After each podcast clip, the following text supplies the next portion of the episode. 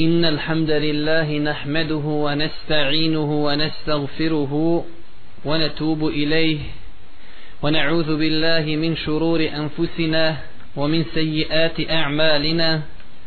من يهده الله فلا مضل له ومن يضلل فلا هادي له. وأشهد أن لا إله إلا الله وحده لا شريك له. وأشهد أن محمدا عبد الله ورسوله ثم أما بعد Na početku, assalamu alaikum wa rahmetullahi wa barakatuh. Prije nego što počnemo, braćo moja draga, govoriti na ovu našu zadanu temu, želio bi da napomenem jednu stvar, da posjetim sebe i vas, a to je da smo mi u zadnjim danima mjeseca Ramazana. Po kalendaru večeras je 29. noć Ramazana, to je znači neparna noć.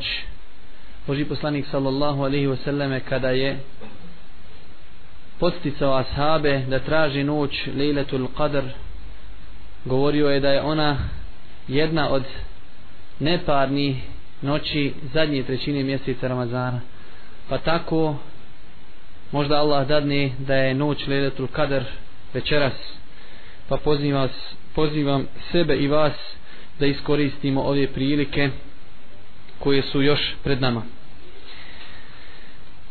Što se tiče večerašnjeg predavanja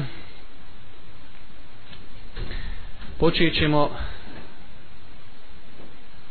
riječima da je Islam vjera koja nije ostavila nijednu bitnu stvar stvar koja može biti od koristi čovjeku muslimanu a da mu je nije pojasnila i ukazala na nju. To zasigurno ukazuje na veličinu i potpunost ove naše vjere Islama. Jedna od tih stvari kojoj nas poziva Islam jeste i to da čovjek musliman ima jaku ličnost i islam ga kroz raznorazne ibadete uči tome. Tako čovjek musliman nije potreban da oponaša bilo koju vjeru bilo koju naciju a naročito kada su u pitanju ibadeti obrijedi vezani za vjeru islam.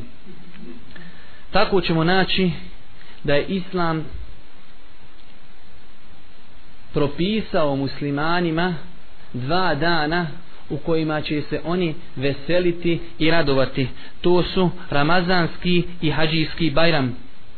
To su dva praznika, godišnja praznika. I jedan je sedmični praznik, a to je dan petak. Muslimani nemaju više praznika osim onoga što smo mi spomenuli. Dva godišnja i jedan sedmični u hadisu koji je zabilježio imam Ebu Davud imam Ennesai, Ahmed i ostali od Enesa radijallahu ta'ala anhu stoji da Boži poslanik sallallahu alaihi wasallame kada je došao u Medinu znači učinio hijđru zatekao je stanovnike Medine da imaju dva dana u kojima se veseli i raduju. Pa je upitao Boži poslanik sallallahu alaihi wasallame kakvi su ovo dani? Pa su mu oni kazali to su dani koje smo mi obilježavali u predislamskom dobu u džahilijetu pa im je Boži poslanik sallallahu alaihi wa sallam kazao inna Allahe ebdelekum bihima khayran min huma jevmel adha wa jevmel fitr.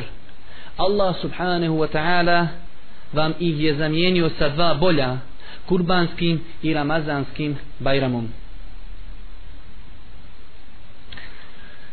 Na propisanost bajram namaza ukazuju argumenti Kur'ana, sunneta i konsenzusa islamskih učenjaka. Inače, braćo moja draga, zapamte jednu stvar i to je jedno pravilo. Islamski učenjaci, kada god govori o nekom ibadetu, o nekom novom poglavlju u fiku, u pravu, uvijek na početku spominju argumente koji ukazuju na propisanost tog ibadeta. Možda neko postavi pitanje, a zašto uvijek na početku spominju dokaze koji ukazuju na propisanost tog ibadeta? Odgovor je jednostavan. Zato, braćo moja draga, što je ova vjera zasnovana na dokazima.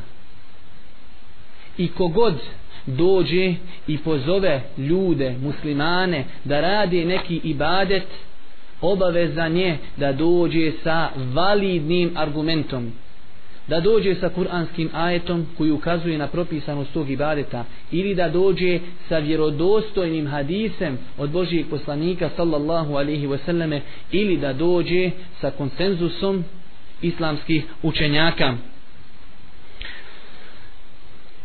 Jer braćo moja draga dosta puta ćemo naći da ljude pozivaju da radi neke ibadete a ti ibadeti nisu utemeljeni nemaju validne argumente u ovoj našoj vjeri.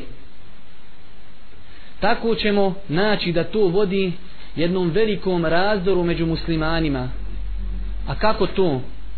Ako neko pozove ljude da radi neki ibadet koji nema validne dokaze i argumente u šerijatu, šta će se desiti?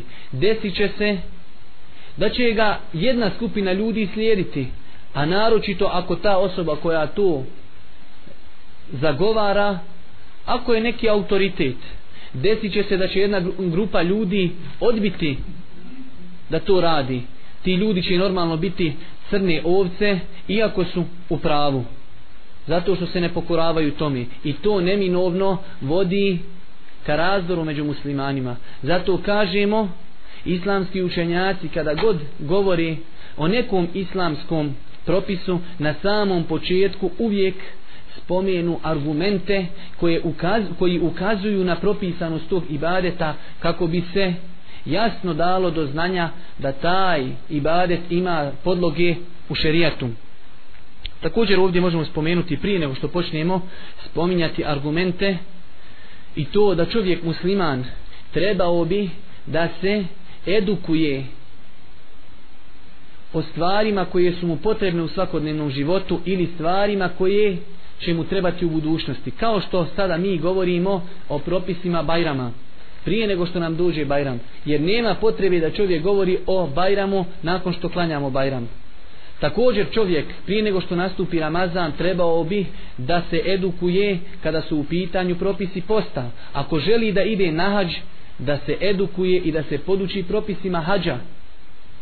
Kako čovjek ne bi upao u neke prekršaje, a mogao je da se poduči tomi. Što se tiče argumenta koji ukazuju na propisanost Bajram namaza iz Kur'ana, naći ćemo u suri Kausar gdje kaže Allah subhanahu wa ta'ala Inna a'tajna kel kausar fa salli li rabbike wanhar Prijevod značenja ovog drugog ajeta Zato se gospodaru svome moli Klanjaj, namaz obavljaj i kurban kolji Ova riječ Zato se gospodaru svome moli Klanjaj Poznati islamski mufesir Katade Rahimehullah Kaže da ona podrazumijeva to klanjaj bajram namaz. Što znači ovaj kuranski ajet je dokaz propisanosti bajram namaza što se tiče hadisa Božijeg poslanika sallallahu alaihi wasallame oni su brojni do te mjere da dostižu granicu i stepen mutevatir hadisa a vi inša Allah svi znate šta je mutevatir hadis. Mi ćemo spomenuti samo neke hadise. U hadisu koji je zabilježio imam Buharija i muslim od Ibnu Abbas radijallahu ta'ala anhu stoji prisustvovao sam Bajram namazu sa Božijim poslanikom sa Ebu Bekrom sa Omerom sa Osmanom radijallahu ta'ala anhum i svi su klanjali namaz prije Bajramske hudbe. Vidimo da ovdje Ibn Abbas potvrđuje propisanost Bajram namaza i da je to bila stvar koja je bila poznata kako za vrijeme Božijeg poslanika tako i za vrijeme njegovih halifa. Također, više je učenjaka koji su spomenuli konsenzus, jednoglasan stav islamskih učenjaka o tome da je Bajram namaz nešto što je propisano i što ima utemeljenje u našoj vjeri. Pa jedan od tih učenjaka je Ibn Kudame u poznatoj knjizi El Mugni, Imam En Nevovi u poznatoj knjizi El Međmu, Imam Esan'ani u poznatoj knjizi Subul Selam i mnogi drugi islamski učenjaci. Nakon, braću moja draga, što smo spomenuli argumente koji ukazuju na propisanost Bajram namaza, njegovo utemeljenje u vjeri, pitanje koje samo sebe nameće jeste propis obavljanja nama Bajram namaza. Što znači propis? Je li obavezan čovjek da klanja Bajram namaz? Ili je to pohvalno? Ili je to lijepo? Ili je to obavezna samo jedna skupina muslimana? S druge strane, je li to obaveza samo muškarcima? Ili je obaveza i muškarcima i ženama? Čućemo, inša Allah, u sljedećim rečenicama. Islamski učenjaci po ovom pitanju, znači propisu obavljanja Bajram namaza, imaju različite stavove. Ti stavovi se mogu, znači, da kažemo, spojiti u tri mišljenja. Imate islamski učenjaka koji kažu da je Bajram namaz fard ain, znači da je svaka osoba musliman obavezna da klanja Bajram namaz. Imamo drugih učenjaka koji kažu da je Bajram namaz kolegijalna obaveza ili fard kifaje, što znači ako jedna skupina muslimana obavi taj ibadet, u ovom slučaju Bajram namaz, ostali koji izostavi Bajram namaz neće biti griješni i treća skupina muslimana, odnosno islamskih učenjaka, kažu da je Bajram namaz sunne el muekkere, znači pritvrđeni sunnet. Tog stava su bili maliki, malikijska šafijska škola i poznati učenjak hanefijske pravne škole Ebu Jusuf. Mi nećemo ovdje izabirati jedno od ovih mišljenja, ali ćemo spomenuti samo jednu stvar, a to je najmanje, znači što je kazano o propisima Bajrama, jeste da je to pritvrđeni sunnet. Znači najmanja, najmanji stepi, najmanji propis jeste da je to pritvrđeni sunnet što znači čovjek musliman ni u kom slučaju ne bi trebao da dozvoli sebi da propusti klanjanje Bajram namaza. Spomenut ćemo braćo moja draga nekoliko argumenata koji su spomenuli islamski učenjaci kada govori o propisu Bajram namaza. Prvi argument koji smo malo prije citirali kuranski ajet gdje Allah Đelešanu kaže fe salli, klanjaj. A ovdje vidimo da je ova riječ došla u naredbenoj formi a poznato pravilo je u šerijatskoj toj terminologiji kada dođe neka stvar u naredbenoj formi da li u Kur'anu ili hadisma Božih poslanika osnova je da je ta stvar obaveza. Također u hadisu koji je zabilježio Buharija i Muslim od Umu Atije Nusejbe El Ansarije radijallahu ta'ala anha kaže naredio nam je poslanik sallallahu alaihi wasallame da izvedemo na Bajram musallu mlade djevojke iz njihovih odaja pa čak i žene u hajdu ali da se odmaknu od Bajramske musalli. U drugom rivajetu ili drugoj predaji ovog hadisa stoji naređeno nam je da prisustujemo Bajram namazu. Znači Umu Atije, žena kaže da je ženama naređeno, pa kaže naređeno nam je da prisustujemo Bajram namazu, pa čak da prisustuju djevice, mlade djevojke iz njihovih odaja, pa čak da dođu i žene u hajzu. Da donosi tekbire sa ostalim svijetom, da čine dovu sa ostalim svijetom, želeći blagoslov tog dana. Na osnovu ovog hadisa koji smo sada citirali, a kazali smo da ga bilježi Buharija i Muslim, znači nema nikakve sumnje u njegovu ovaj autentičnost. Neki islamski učenjaci na osnovu ovog hadisa kažu da je sunnet da i žene prisustvuju Bajram namazu. Pa čak do te mjeri da ima učenjaka koji kažu da je i ženama obavezno da prisustuju Bajram namazu na osnovu ovog hadisa jer na početku ovog hadisa Ummu Atije kaže naređeno nam je da prisustvujemo Bajram namazu. Jedan od učenjaka koji je zastupao mišljenje da i ženama obavezno da prisustvuju Bajram namazu ili to se može shvatiti iz njegovog govora jeste šehul Islam ibn Taymije rahimehullah. Ovdje možemo samo malo jednu opasku nevezano za Bajram vidimo braću moja draga kako su žene ashaba kako su djevojke tog vremena boravile u kući. Kaže Boži poslanik izvedite pa čak i djevice iz njihovih odaja. Šta to ukazuje? Na što to ukazuje? To ukazuje da su djevojke tog vremena vremena boravile u kući. Dok vidimo braću moja draga kako je stanje današnje stanje muslimana žene muslimanke naći ćete ih svugdje osim na onim mjestima gdje treba da budu. Žene idu tamo gdje im je zabranjeno a ondje gdje im je propisano tu ih nema. Ženama je zabranjeno da idu po kafišima po diskotekama i ostalim mjestima ali ćemo ih tu naći. A propisano im je da dođu na Bajram po nekoj ulemi i obaveza a tu nećemo naći skoro nijedne ženi nakon ovog kraćeg uvoda gdje smo spomenuli argumente propisanosti Bajram namaza pro, pro, o, spomenuli smo mišljenja islamskih učenjaka o tome da li je obaveza ili nije klanjati Bajram namaz počet ćemo nekim hronološkim redom govoriti o propisima Bajram namaza znači od samog izlaska čovjeka iz njegove kući prva stvar koju želimo spomenuti jeste propis kupanja povodom Bajrama Mnogo je, braćo moja draga, hadisa koji ukazuju na to da je praksa Božih poslanika sallallahu alaihi wa sallam bila da je se običavao kupati povodom Bajrama. Ali treba ovdje ovaj, zbog emaneta spomenuti jednu stvar, a to je da jedan veliki islamski učenjak muhaddif vama poznat svima šeh Muhammed Nasrudin Albani kaže da nema vjerodostojnog hadisa koji ukazuje na to da je se Boži poslanik sallallahu alaihi ve selleme kupao prije Bajrama. Ali došle su vjerodostojne predaje od nekoliko ashaba i tabiina da su oni smatrali lijepim to da se čovjek okupa prije nego što krene na namaz. To je prenešeno u vjerodostojnim predajama od Alije radijallahu ta'ala anhu, od Ibnu Omara, od Sejid Ibnu Musejiba i još nekih drugih učenjaka iz prvih generacija. Također dva velika učenjaka Ibnu Rušt i Ibnu Abdul Barr spomenuli, si, spomenuli su konsenzus islamskih učenjaka da je lijepo da se čovjek okupa prije nego što krene na Bajram namaz. Znači, po konsenzusu, po jednoglasnom stavu islamskih učenjaka, lijepo je da se čovjek okupa. I to je bio stav tri pravne škole, a Hanefijska pravna škola je smatrala sunnetom da se čovjek okupa.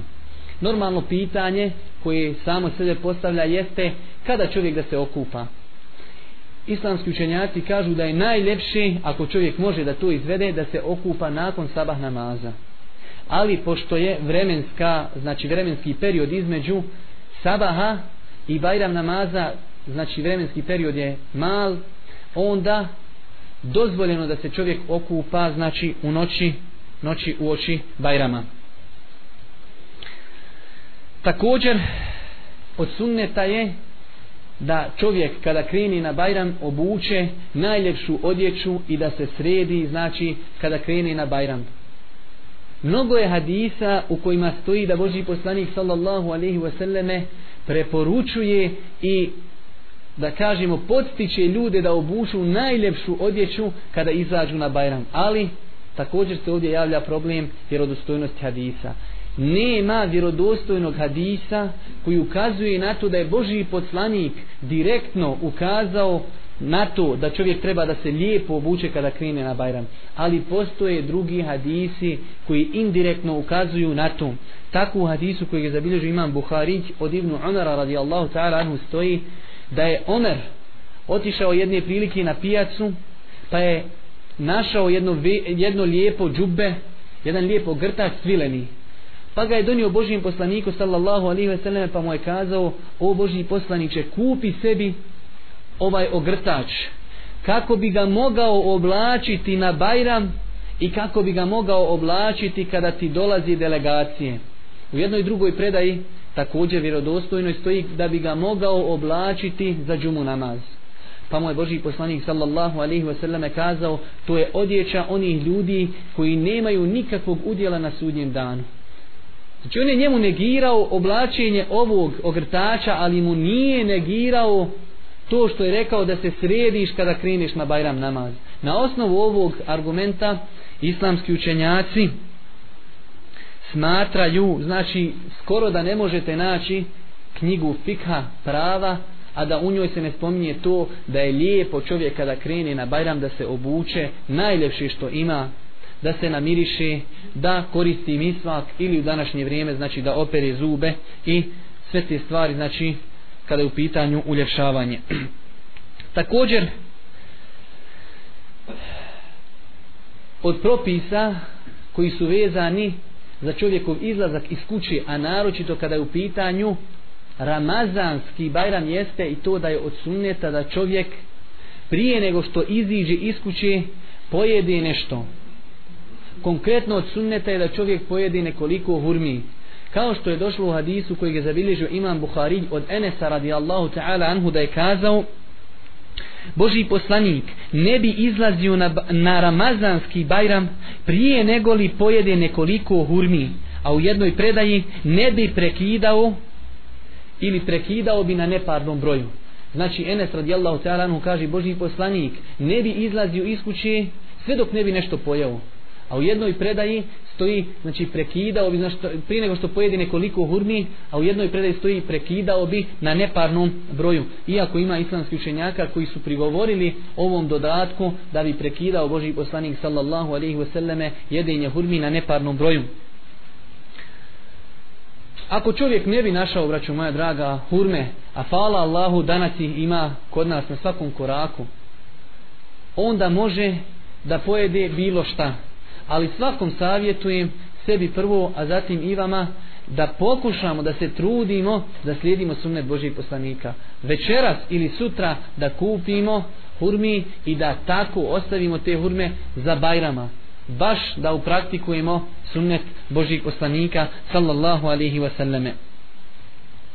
Što se tiče kurbanskog bajrama sunnet je da čovjek ne jede ništa dok se ne vrati sa Bajram namaza, dok ne klanja Bajram namaz. Što se tiče prvog propisa, znači to je po jednoglasnom stavu islamskih učenjaka da je sunnet da čovjek ne izlazi iz kuće kada je u pitanju Ramazanski Bajram prije nego što nešto pojede. Dok ovaj propis drugi, znači kada je u pitanju izlazak na Kurbanski Bajram, znači nije to po jednoglasnom stavu islamskih učenjaka, pošto su neki učenjaci prigovorili hadisima u kojima stoji da je Boži poslanik sallallahu alaihi wasallame prilikom kurbanskog bajrama odgađao jelo dok ne bi klanjao namaz. Ali jedan od vjerodostojnih hadisa koji je zabilježio imam et tirmizi od Burejde ibn Hasiba a hadis je vjerodostojan kao što je to potvrdio šeh Albani kaže Boži poslanik ne bi izlazio na, na ramazanski bajram sve dok ne bi nešto pojeo niti bi jeo na dan kurbanskog bajrama sve dok ne bi klanjao. Normalno, možda se neko i zapita šta je mudrost da čovjek pojede nešto prije nego što, prije nego što kreni na ramazanski bajram. Neki islamski učenjaci kažu da je mudrost u tome kako neki ljudi ne bi pomislili da je post bio obavezan sve do klanjanja, znači da se zna da je post sa zadnjim zalaskom sunca, zadnjeg dana Ramazana, da je post završio. Znači, to je samo znači njihova pretpostavka.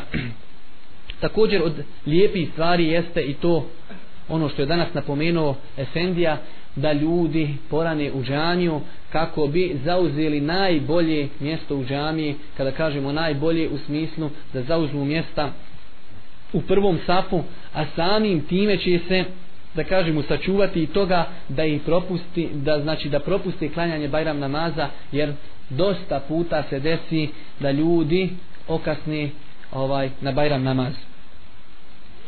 Što se tiče konkretno čovjekovog odlaska iz kuće ka musalli, najbolje je da to bude da čovjek ide pješice. Normalno, pod uslovom da mu to neće stvarati probleme.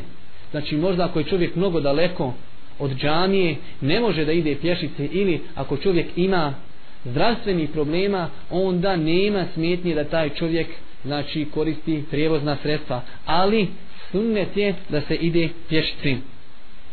Mnogo je hadisa koji ukazuju na to da je praksa Božijeg poslanika sallallahu alaihi wasallam bila da je odlazio na Bajram pješici. Pa u hadisu koji je zabilježio imam et tirmizija hadis je vjerodostojno da li je radijallahu ta'ala anhu gdje kaže od sunneta je da se ide na Bajram pješici. Također u drugom hadisu koji je zabilježio imam Ibnu Mađe a hadis je vjerodostojan Božiji poslanik bi odlazio na Bajram pješici i vraćao bi se pješici. Znači, ali treba napomenuti da nije čak ni pokuđeno da čovjek koristi prijevozno sredstvo. Znači, sunnet je da se ide pješice, ali ako čovjek ostavi ovaj sunnet, ni u kom slučaju ne znači da je uradio nešto što je pokuđeno. Ostavio je praktikovanje jednog sunneta. Također, kada govorimo o čovjekovom izlasku iz kuće i znači kretanju prema musalli, možemo samo opet spomenuti znači da je sunnet po većini islamskih učenjaka da i žene prisustuju Bajram namazu normalno ako u njihovom izlasku iz kuće nema nikakvog šerijatskog prekršaja kao što je nepo, nepropisno oblačenje, mirisanje, šminkanje i neke druge stvari. Također možemo spomenuti da je dozvoljeno prisustvovanje djeci Bajram namazu kao što je došlo u hadisu koji je zabilježio imam Buhari da je Ibn Abbas upitan jesi li prisustvovao Bajram namazu sa Božim poslanikom pa je kazao jesam normalno treba napomenuti to da roditelji ili staratelji djece trebaju da pazi na svoju djecu kako ne bi svojim ponašanjem uznemiravala druge klanjače ili odvlačila njihovu pažnju ili uznemiravala ih i onemogućavala, onemogućavala, onemogućavala slušanje hudbe. Također od propisa vezani za čovjekov odlazak iz kuće ka musalli jeste jedna stvar koja je zasigurno zapostavljena kod velikog broja muslimana a to je da je od sunneta da čovjek na putu od kuće pa do musalli ide sve do samog početka Bajram namaza donosi tekbire. Znači svi učenjaci su složni da taj period da je sunne da čovjek donosi tekbire od čovjekovog izlaska iz kuće pa sve do počinjanja Bajram namaza. Ima islamskih učenjaka koji kažu donošenje tekbira počinje od akšama, znači zadnjeg dana Ramazana sa zalaskom sunca počinje donošenje tekbira, ali to je stav handelijske i šafijske pravne škole. Dok svi su složni da se tekbiri donose od čovjekovog izlaska iz kuće pa do onog momenta kada počne namaz. Što se tiče propisa ovih tekbira, velika većina islamskih učenjaka kažu da je sunnet. Znači, stvar koju čovjek ako uradi imaće seva pa postavi neće biti griješan. Osim imam Ibn Hazm, on kaže da je to farz. Znači da je obavezno čovjeku da donosi tekbire učenjaci odnosno argument na osnovu kojeg se uzima ovaj propis jesu riječi Allah subhanahu wa ta'ala u suri Bekara gdje kaže وَلِ تُكْمِلُ الْعِدَّةَ وَلِ تُكَبِّرُ اللَّهَ عَلَى مَا هَدَاكُمْ وَلَعَلَّكُمْ تَشْكُرُونَ znači jedan duži ajet ali mi smo citirali samo njegov kraj gdje kaže Allah Đelešanhu a određeni broj dana ispunite znači upotpunite mjesec Ramazan sve dane i da Allaha veličate zato što vam je ukazao na pravi put i da zahvalni budete. Vidite ovdje i da Allaha veličate. Znači nakon što ste upotpunili mjesec Ramazan da Allaha subhanahu wa ta'ala veličate, a izgovaranje riječi Allahu Ekber zasigurno je veličanje Allaha subhanahu wa ta'ala. Što se tiče ovih tekbira za Bajram, za Bajram Ramazanski, po nekoj ulemi oni su na većem stepenu obaveznosti znači ili većem stepenu sunneta od tekbira koji se donose na kurbanski bajram. Nakon što smo spomenuli tim nekim hronološkim redom čovjekov izlazak iz kuće i njegov znači put njegovo tekbiranje dolazimo do mjesta klanjanja bajrama namaza velika praksa, znači velik broj hadisa Božijeg poslanika sallallahu alaihi ve selleme ukazuje na to da je svakodnevna praksa Božijeg poslanika sallallahu alaihi ve selleme bila to da je klanjao Bajram namaz na otvorenom prostoru na takozvanoj musalli. Osim jednog hadisa gdje stoji da je Boži poslanik sallallahu alaihi wa sallam jedne prilike samo klanjao Bajram namaz u džami zato što je padala kiša. Taj hadis je zabilježio imam Ebu Davud od Ebu Hureyre i hadis nije vjerodostan što znači ostaje da je bila svakodnevna praksa Božijeg poslanika da je klanjao Bajram namaz na otvorenom prostoru na Musalli. Normalno, ovdje treba spomenuti stvar da većina i svi učenjaci kažu da ako bi se klanjao Bajram u džamiji da je namaz ispravan. S tim što neki kažu da je to pokuđeno. Znači ako nema nekog, da kažemo, razloga kao što je kiša, vjetar ili nešto slično tome. Svi kažu da je njegov namaz ispravan, ali neki kažu da je, znači, to pokuđeno ako nema zato određenih šerijatskih razloga. Što se tiče vremena klanjanja Bajram namaza, to je inšala vama svima poznato da se Bajram namaz klanja nakon izlaska sunca, nakon što sunce oskoči u visini koplja od horizonta. Ali jedna druga stvar koja možda nije poznata većini ovaj braće jeste kada se završava vrijeme u kojem se može klanjati Bajram namaz. Završava znači kada sunce dođe do polovine neba, znači kada sunce bude u zevalu, tada prestaje vrijeme klanjanja Bajram namaza. Znači Bajram namaz se može klanjati od onog momenta kada sunce iziđe i kada oskoči visini koplja, pa sve do podne namaza. Čovjek u ovim našim situacijama kada dolazi u džamiju šta će raditi? Čovjek će ući u džamiju, klanjaće dva rekiata tehijetul mesđida i sješće i donosit će tekbire sve dok počne namaz. Ovdje se postavlja pitanje dozvoljenosti klanjanja na file u tom periodu. Islamski učenjaci po ovom pitanju imaju mnogo, mnogo rasprava i mnogo, mnogo mišljenja. Ali je sigurna jedna stvar da Boži poslanik sallallahu alaihi wasallam nije klanjao ništa. Zato po meni je najpreće da čovjek ostavi klanje jer u vjerodostojnom hadisu stoji koji su zabilježili Buharija i Muslim od Ibnu Abbasa da je Boži poslanik kao što ćemo spomenuti dolazio bi kaže na Musallu klanjao bi dva rekiata Bajram namaza i ne bi kaže klanjao prije Bajrama ništa niti posle Bajrama. Zato kažemo čovjek kada dođe u džamiju klanjaće tehijetul mesčid i sjest ovaj dones, donosit će tekbire bez obavljanja na fili iako ako bi vidjeli nekog da klanja na filu znači treba da znamo da ima islamski učenjaka i to nema broj koji dozvoljavaju da čovjek neki dozvoljavaju samo se na fila klanja prije Bajrama neki dozvoljavaju samo poslije neki dozvoljavaju i prije i poslije ali znači sigurno je da je praksa Božijeg poslanika sallallahu alaihi wasallam bila da je klanjao samo dva rekiata Bajram namaza. Što se tiče samog Bajram namaza nema potrebe mnogo o tome pričati jer niko od nas u većini slučajeva ne predvodi džemat da ga to interesuje, ali možemo spomenuti da je po konsenzusu islamskih učenjaka Bajram namaz klanja se dva rekiata i znači mnogo je islamskih učenjaka koji su spomenuli konsenzus islamskih učenjaka po ovom pitanju kao što imam Ibn Hazm, imam Ennevevi i drugi. U hadisu kojeg je zabilježio imam Buharija i Muslim od Ibn Abasa stoji poslanik je klanjao ramazanski bajram dva rekiata i nije ništa klanjao prije ni poslije namaza. Također od stvari koji su vezane za Bajram, klanjanje Bajrama jeste da po konsenzusu jednoglasnom stavu islamskih učenjaka ne treba učiti ezan niti i kamet kada je u pitanju obavljanje Bajram namaza kao što je došlo u hadisu od Džabira radijallahu ta'ala anhu u muslimu. Prisustuo sam Bajramu sa Božim poslanikom sallallahu alaihi wasallame pa je počeo namaz prije hudbe bez ezana i bez ikameta. Ovdje dolazimo do jednog i tekako interesantnog detalja, a to je oni dodatni tekbiri. Nakon znači što se donese početni tekbir u Bajram namazu, donose se oni dodatni tekbiri. Treba da znamo da po tom pitanju islamski učenjaci imaju mnogo mišljenja koliko se tekbira donosi na Bajram namazu.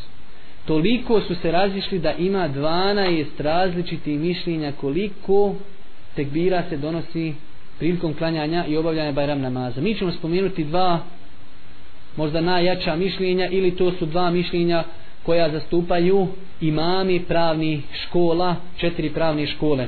Znači, tri pravne škole, osim hanefijske pravne škole, smatrale su da se Bajram klanja, da se na prvom rekiatu donosi sedam tekbira, a na drugom pet normalno i oni sami se međusobno razilazi da li u ovih sedam se ubraja početni tekbir ili ne ubraja ali oni svi kažu na prvom rekiatu sedam na, prvom, na drugom pet. Dok hanetijski učenjaci kažu da se tri tekbira donose na prvom rekiatu prije kirajeta i na drugom tri posle kirajeta. To je stav hanefijske pravne škole.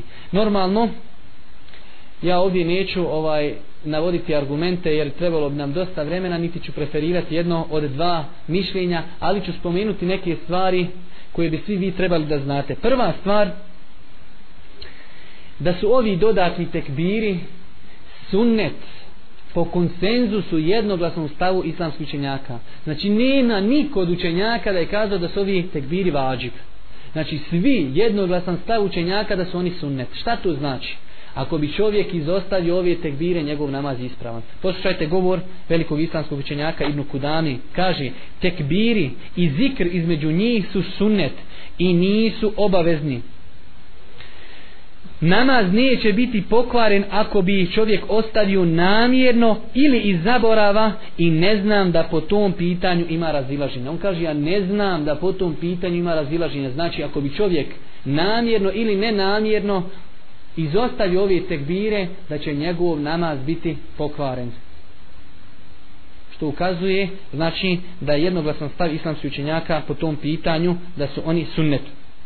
Također jedna druga stvar koja nas sve muči, a to je šta će se desiti ako čovjek klanja za čovjekom koji je drugog stava, drugog mezheba. Znači ti možda zastupaš mišljenje trebaju tri tekbira a on donosi sedam. Da li čovjek da prati imama u tome? po sve četiri mezheba čovjek će se ponašati onako kako se ponaša imam. Što znači, ako si ti stava da trebaju tri tekbira, a imam donosi sedam tekbira, povodit ćeš se za onim što radi imam. Ili suprotno tome, ako si ti stava da, da treba da se donosi sedam tekbira, a imam donosi tri tekbira, znači treba da se povodiš za njim da se ovaj ne razlikuješ od, od njega na osnovu hadisa koji je zabilježio Buharija i Muslim. Innema džuila imamu li yu'tamna bihi fala tastalifu alayhi. Zaista je imam postavljen kako biste se vi povodili za njime i nemojte se razlikovati od njega. Tako znači da znate da je stav sve četiri mezheba da se čovjek ponaša shodno onako kako se ponaša imam kada je u pitanju donošenje ovih takozvanih dodatnih tekbira. Također ovdje se postavlja pitanje dizanja ruku prilikom donošenja ovih tekbira. Većina islamske ulemi tri mezheba su smatrala tri mezheba su smatrala da je propisano da čovjek diže ruke prilikom ovih tekbira. Tri mezheba, znači hanetijska pravna škola koja je zastupljena na našim krajevima, šafijska i handelijska smatrale su da je od sunneta da se dižu ruke prilikom ovih tekbira. Znači, tri pravne škole su smatrale da je sunnet da se podižu ruke prilikom svakog od ovih tekbira. Hanefijska pravna škola, šafijska i hambelijska. Iako, iako, znači hadis koji govori na tu temu od Božih poslanika sallallahu alaihi wasallam nije vjerodostojan, ali došle su vjerodostojne predaje od nekih učenjaka prvih generacija Tako znači na osnovu toga islamski učenjaci kažu da je sunnet i da je lijepo da se ruke podižu prilikom izgovaranja svakog od ovih tekbira. Što se tiče šta je od sunneta da se uči na Bajram namazu, znači nakon Fatihe namaza, o tom imaju dva hadisa, oba, oba hadisa u muslimovoj zbirci hadisa, jedan od Nu'mana ibn Bešira, jedan od Omera radijallahu ta'ala anhu, U hadisu od Omera radijallahu ta'ala stoji da je Boži poslanik za Bajram učio suru El Qamer i suru Qaf. Dok u hadisu Nu'man ibn Bešira stoji da je Boži poslanik sallallahu alaihi wasallam učio sebi hisme rabbike al-a'la i hel etake hadisu l-gašije. Ali ovdje treba spomenuti jednu stvar, a to je da učenjaci, svi su složni da čovjek bilo šta da prouči iz Kur'ana, njegov namaz je ispravan i da nema nešto da je precizirano da se treba učiti. Već ovo je bila praksa Božijeg poslanika, ali nije precizirano da se mora to učiti. Znači šta god da bi čovjek učio, njegov namaz je ispravan. Normalno, po konsenzusu također islamskih učenjaka, kirajet, prilikom obavljanja Bajram namaza treba da bude naglas. Znači sunnet je da bude naglas. Došli smo do onog momenta kada se treba držati hudba. Što se tiče same hudbe, ona je sunnet također po velikom, velikom broju islamskih učenjaka, što znači ako bi čovjek ostavio namjerno ili nenamjerno hudbu, njegov namaz, bajram namaz je ispravan. Normalno, kao što smo spomenuli prvo se klanja nakon toga se drži hudba lijepo je da ljudi ostanu da poslušaju hudbu i da pažljivo slušaju hudbu. Znači prva stvar lijepo je da ostanu a druga stvar znači traži se od njih da pažljivo slušaju hudbu. Ako žene prisustvuju hudbi od sunneta je da se jedan dio hudbe posvijeti ženskoj populaciji kao što je bio sunnet Božijeg poslanika kada bi završio sa hudbom znači obraćanje muškarcima otišao bi do skupine žena i onda bi se obratio njima znači sa jednim dijelom hudbe. Tako znači na osnovu toga imani bi trebali ako ima znači u mesridima žena koje klanjaju Bajram da jedan dio hudbe posvijeti ženskoj populaciji. Nakon što smo završili Bajram ovaj da postavimo pitanje a šta će se desiti ako neko zakasni na Bajram? Znači po tom pitanju također islamski učenjaci imaju mnogo mnogo mišljenja ali jedno od mišljenja koje ja mislim da inšala nije daleko od istine jeste da će čovjek sam klanjati Bajram i to na način i to na način onako kako se klanja u džami, znači sa svim onim tekbirima. Iako ima razno raznih drugih mišljenja koji kažu da se klanja bez tekbira ili četiri rekiata i drugi razno raznih mišljenja, ali ne vidim zašto treba da se razlikuje naklanjavanje od originalnog, znači obavljanja Bajram namaza u džami. Znači, oni ljudi koji okasni u džamiju, ovaj mogu da Bajram namaz naklanjaju na isti onaj način kako je se klanjalo u džamiji. Također, jedan od zadnjih propisa koji ćemo spomenuti jeste to se rijetko dešava, ali ako bi se desilo to da se u toku jednog dana odnosno da se desi da Bajram bude petkom Znači tada se desilo da ljudi muslimani trebaju dva puta da se okupe u toku jednog dana. Da dođu na Bajram i da dođu na džumu. Zato islamski učenjaci po tom pitanju imaju rasprave da li je čovjek obavezan koji dođe na Bajram da dođe i na džumu. Velika većina islamskih učenjaka kaže da je čovjek obavezan doći na Bajram i na džumu. Ali Poslušajte hadis koji je zabilježen imam Ebu Davud od Ebu Hureyre, a hadis je vjerodostan kao što je to potvrdio ših Albani, da je Boži poslanik sallallahu alaihi wasallam kazao ovo je dan u kojem su se spojila dva praznika, znači Bajram i Džuma, to su dva praznika. Pa ko hoće ovaj dolazak je dovoljan za Džumu, a mi ćemo klanjati Džumu. Kaže Boži poslanik, ko hoće ovaj dolazak na Bajram je dovoljan, a mi ćemo klanjati. Na osnovu ovog hadisa, odnosno prije toga, prenešena je ista fetva da je se to desilo i za vrijeme Osmana radijallahu ta'ala anhu i da je on isto potvrdio dok je bio na Mimberi, dozvolio je onim ljudima koji su bili znači u prijegrađu Medine, kazao im je oni ljudi koji neće da dolaze na džumu nisu obavezni, znači prenešena je fetva od Osmana radijallahu ta'ala anhum. Neki, da kažemo, preferi, neko preferirajuće mišljenje je koje je izabrao šehul islam ibn Tejmije, a to je da čovjek koji dođe na Bajram nije obavezan da dođe na, ba, da dođe na džumu. Ali treba napomenuti dvije stvari. Prva stvar je da je imam obavezan da dođe. Zato što Boži poslanik kaže, a mi ćemo klanjati. Znači ima mora doći da klanja onim ljudima koji dođu. A druga stvar, oni ljudi koji ne dođu, obavezni su da klanjaju podni namaz kod kuće.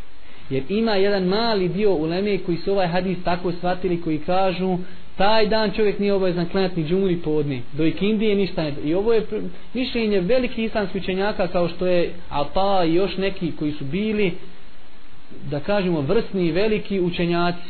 Ali ovaj mi poštujemo njihovu veličinu i njihovo znanje, ali ovaj u ovom slučaju ipak kažemo da je čovjek obavezan da ovaj kako se zove klanja podne znači nije obavezan da dođe na džumu ali obaveznost namaza i dalje ostaje na njemu.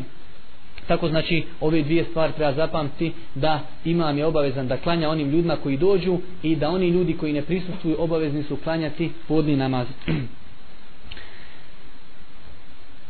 Na kraju Bajrama kada sve se završi ostaje čestitanje Bajrama.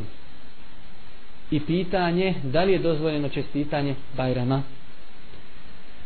Prenešene su fetve od imama Malika, od imama Ahmeda od šehul islama i od nekih učenjaka današnjice da je dozvoljeno čestitati Bajram namaz. Znači onim riječima taqabbal Allahu minna wa minkum Allah Đelšanu primio od nas naša i vaša dobra djela ili na bilo koji drugi način koji nema znači nikakve kontradiktornosti sa šerijatom. Znači svaki drugi način u kojem se izražava to znači čestitka a nema znači nikakve ovaj šerijatske prepreke u tome inša taj način je validan i dozvoljen. I zadnja stvar koju ćemo spomenuti kada je u pitanju ovaj taj čovjekov odlazak i dolazak na Bajran jeste da je od sunneta da se čovjek vrati drugim putem. Znači da čovjek ode jednim putem na Bajram a da se vrati drugim putem. Znači opet kažemo da je to sunnet. U hadisu koji je zabilježio imam Ebu Davud od Ibnu Omera a hadis je vjerodostojan stoji poslanik sallallahu alaihi wasallam bi odlazio na Bajram jednim putem a vraćao bi se drugim. Ibn Rušt znači jedan islamski učenjak filozof navodi mišljenje znači konsenzus islamskih učenjaka da je sunnet znači ovaj jednoglasno stav islamskih učenjaka da je sunnet da čovjek ode na Bajram jednim putem a da se vrati drugim putem. Normalno sada svako bi želio da komentariši šta je mudrost toga da čovjek ide na Bajram jednim putem a vraća se drugim putem. Znači poznati islamski učenjak Hafiz ibn Hajar el Esfalani u svojoj poznatoj knjizi Fethul Bari navodi oko 20 mogućnosti.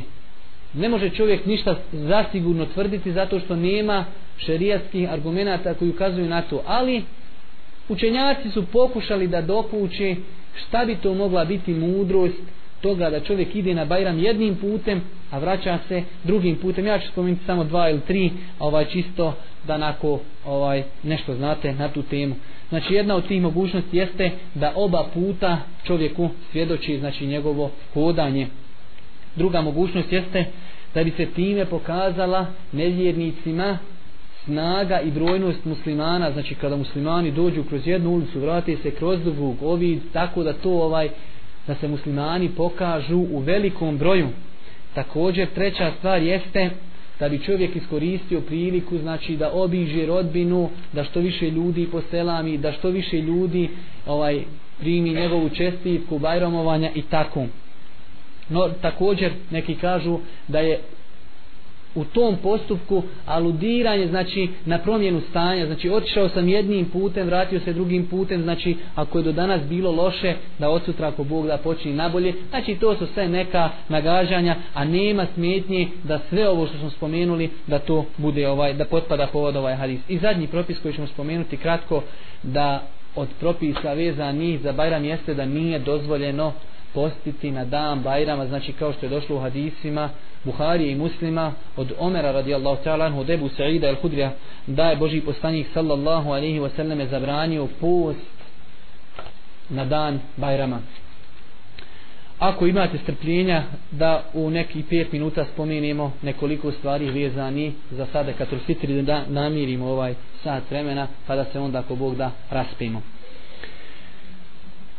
Sadekatul fitr sadekatul fitr izdvajanje sadekatul fitra je obaveza koja obuhvata sve muslimane koji na dan Bajrama posjeduju sa od onoga u čemu se izdvaja sadekatul fitr preko svojih potreba i potreba svoje porodice. Ova rečenica malo duža nosi u sebi mnogo propisa. Kaže izdvajanje sadekatul fitra je obaveza koja obuhvata sve muslimane koji na dan Bajrama posjeduju jedan sa od onoga u čemu se izdvaja sadekatul fitr preko svojih potreba i potreba svoje porodice. Ovo kad kažemo obuhvata sve muslimane podrazumijevaju se šest stvari. Podrazumijeva punoljetne i maloljetne. Znači sadekatul fitr je obaveza da se da i na punoljetne i na maloljetne osobe. Obuhvata muškarce i žene i obuhvata robove i slobodni ljude. Svi ti ljudi, znači koji smo spomenuli, obavezni su da daju sadekatul fitr. Dokaz zato ćemo naći u riječima Božih poslanika koje je zabilježio Buharija i Muslim od Ibnu Anara Rasulullah je propisao propisao ovdje je došla riječ u ovom hadisu ferada ferada od riječ fard znači propisao je Boži poslanik sallallahu alaihi wasallam zekatul fitr jedan sa datula ili ječma za roba i slobodnog čovjeka, muškarca i ženu, maloljetnog i odraslog i naredio je da se izdvoji prije izlaska naroda na Bajram. Znači naredio je da se izdvoji, o tome ćemo ako Bog da progovoriti nekoliko riječi.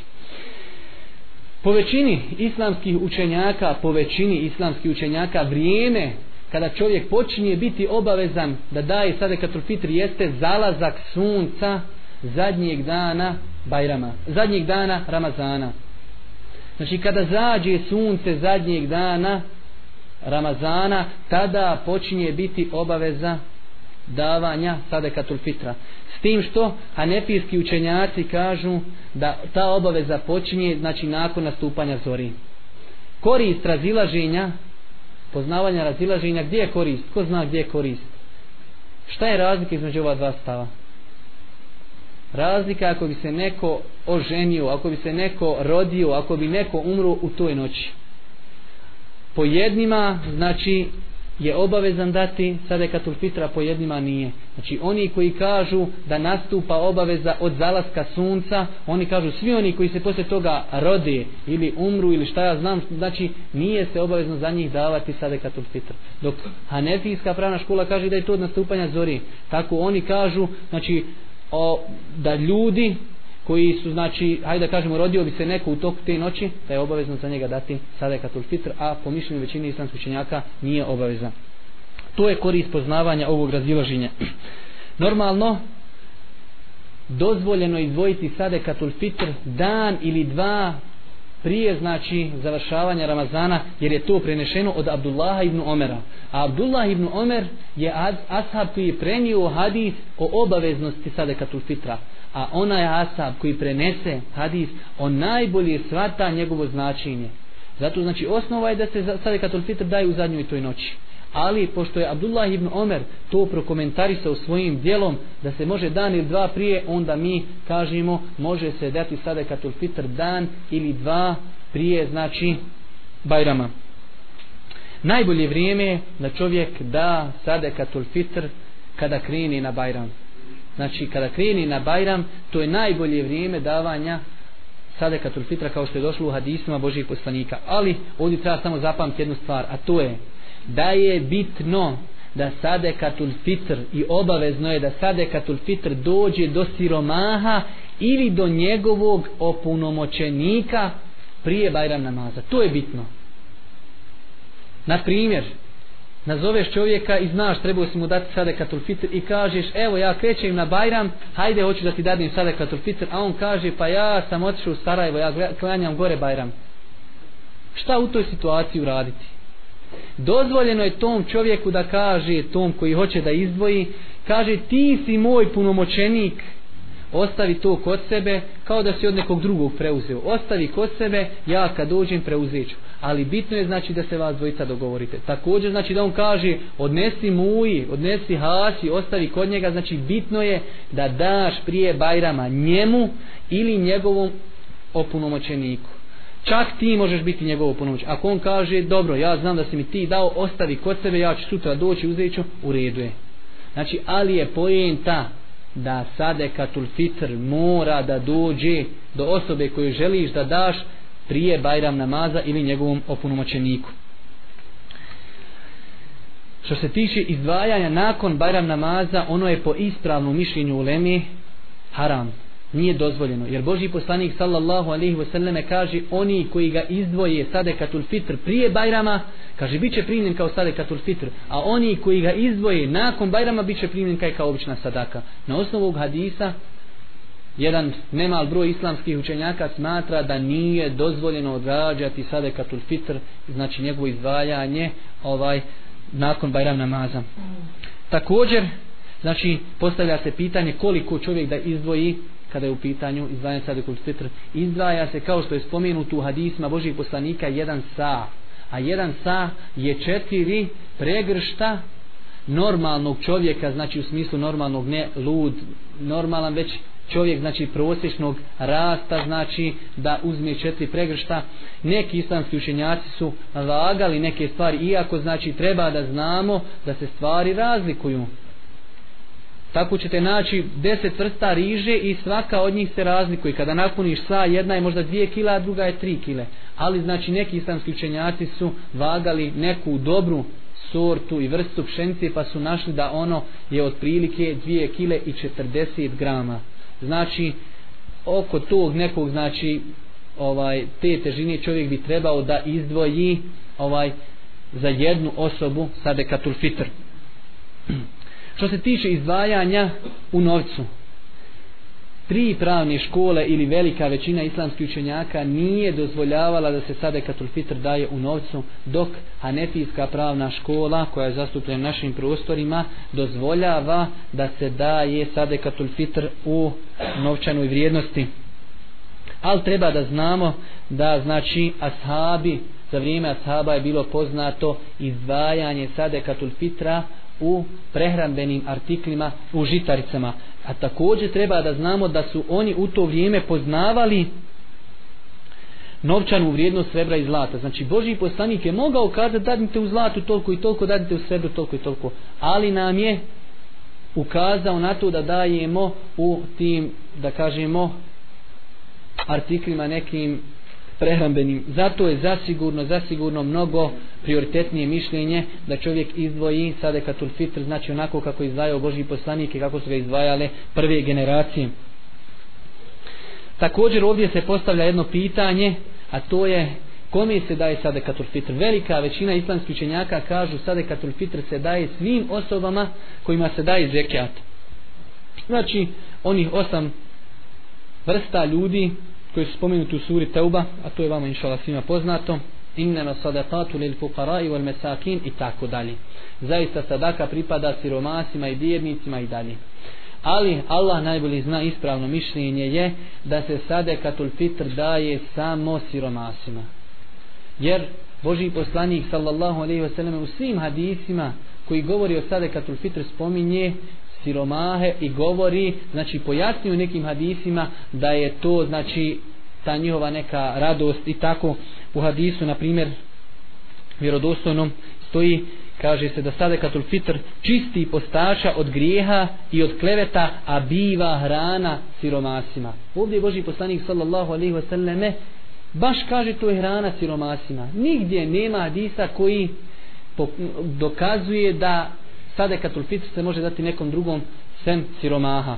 Normalno, ova većina islamskih učenjaka zato je uzvila dokaz analogiji ali treba da znamo da analogija ne može da se koristi u šerijatu ako po tom pitanju imaju riječi Božih poslanika. Analogija se koristi onog momenta kada nemamo nikakve riječi po tom pitanju Božih poslanika, onda mi tražimo analogiju. Ali u ovom slučaju Božji poslanik kaže, a to je hrana siromasima. I znači mi stajemo kod tog znači teksta kod tog hadisa Božijeg poslanika sallallahu alejhi ve selleme i zadnja stvar jeste znači da sade katul fitr ako čovjek ima da kažemo više ti ovaj osoba u svojoj porodici znači sve te stvari može dati jednom siromahu. A također suprotno tome jedan znači sade katul fitr može se dati više siromaha s tim što treba tom siromahu ako mu dadneš znači krnjav sadekatul fitru u smislu ne krnjav jer dao si pola kile i njemu pola nekom drugom trebaš mu kazat dao sam tebi pola i drugom pola kako ne bi on taj sadekatul fitr uzeo misleći da je to dovoljna mjera pa odnio nekom drugom znači trebam kazati ja sam dao i na drugom mjestu pola, ovo je tebi pola. Znači, a suprotno tome je dozvoljeno ako čovjek ima deset članova porodice, da uzme sve to fino i da odnese jednom siromahu. Na kraju molimo Allah subhanahu wa ta'ala da nas uputi na pravi put, da nas poduči propisima naše vjere i na kraju subhanaka Allahumma wa bihamdika ashhadu an la ilaha illa anta astaghfiruka wa atubu ilayk.